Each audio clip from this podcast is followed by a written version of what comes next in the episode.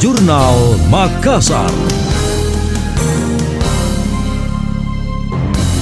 Saya Emil Faris dalam Jurnal Makassar. Sejumlah wilayah di Sulawesi Selatan telah memasuki musim hujan. Selama periode itu, curah hujan menjadi tinggi. Dampak yang telah ditimbulkan seperti bencana banjir dan tanah longsor di Kabupaten Luwu beberapa waktu lalu. Demikian disampaikan Koordinator Bidang Data dan Informasi Kantor BMKG Wilayah 4 Makassar, Hanafi Hamzah kepada Smart FM. Indikasi bencana masih dimungkinkan terjadi di wilayah yang sama, khusus di wilayah Makassar dan sekitarnya masih peralihan atau dalam kondisi itu, curah hujan biasanya lebat dengan durasi yang singkat. BMKG memprediksi musim hujan di Makassar terjadi mulai 21 Oktober mendatang. Puncaknya di bulan Januari sampai Februari tahun depan. Mengantisipasi bencana, pihaknya meminta agar informasi cuaca yang dirilis BMKG setiap hari selalu disampaikan kepada masyarakat sehingga ada kewaspadaan dini.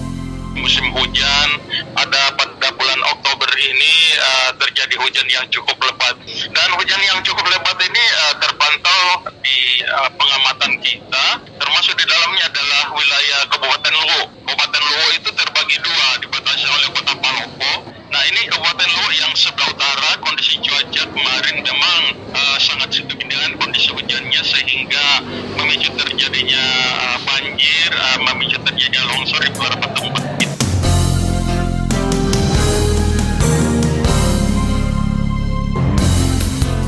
Sementara itu Kepala Bidang Pencegahan dan Kesiapsiagaan BPBD Sulawesi Selatan, Edi Jayaputra memaparkan berbagai langkah antisipasi dalam mengantisipasi bencana hidrometeorologi berupa banjir, tanah longsor, angin kencang, dan abrasi pantai. Dengan melakukan upaya mitigasi atau pengurangan resiko bencana seperti sosialisasi kepada masyarakat dengan tujuan mengurangi korban bencana. BPBD menyebutkan wilayah langganan terdampak bencana di Sulsel. Selain di Kabupaten Luwu juga sebagian wajah Faktor penyebab banjir di wilayah itu di antaranya maraknya penggundulan hutan, pendangkalan sungai, dan lainnya.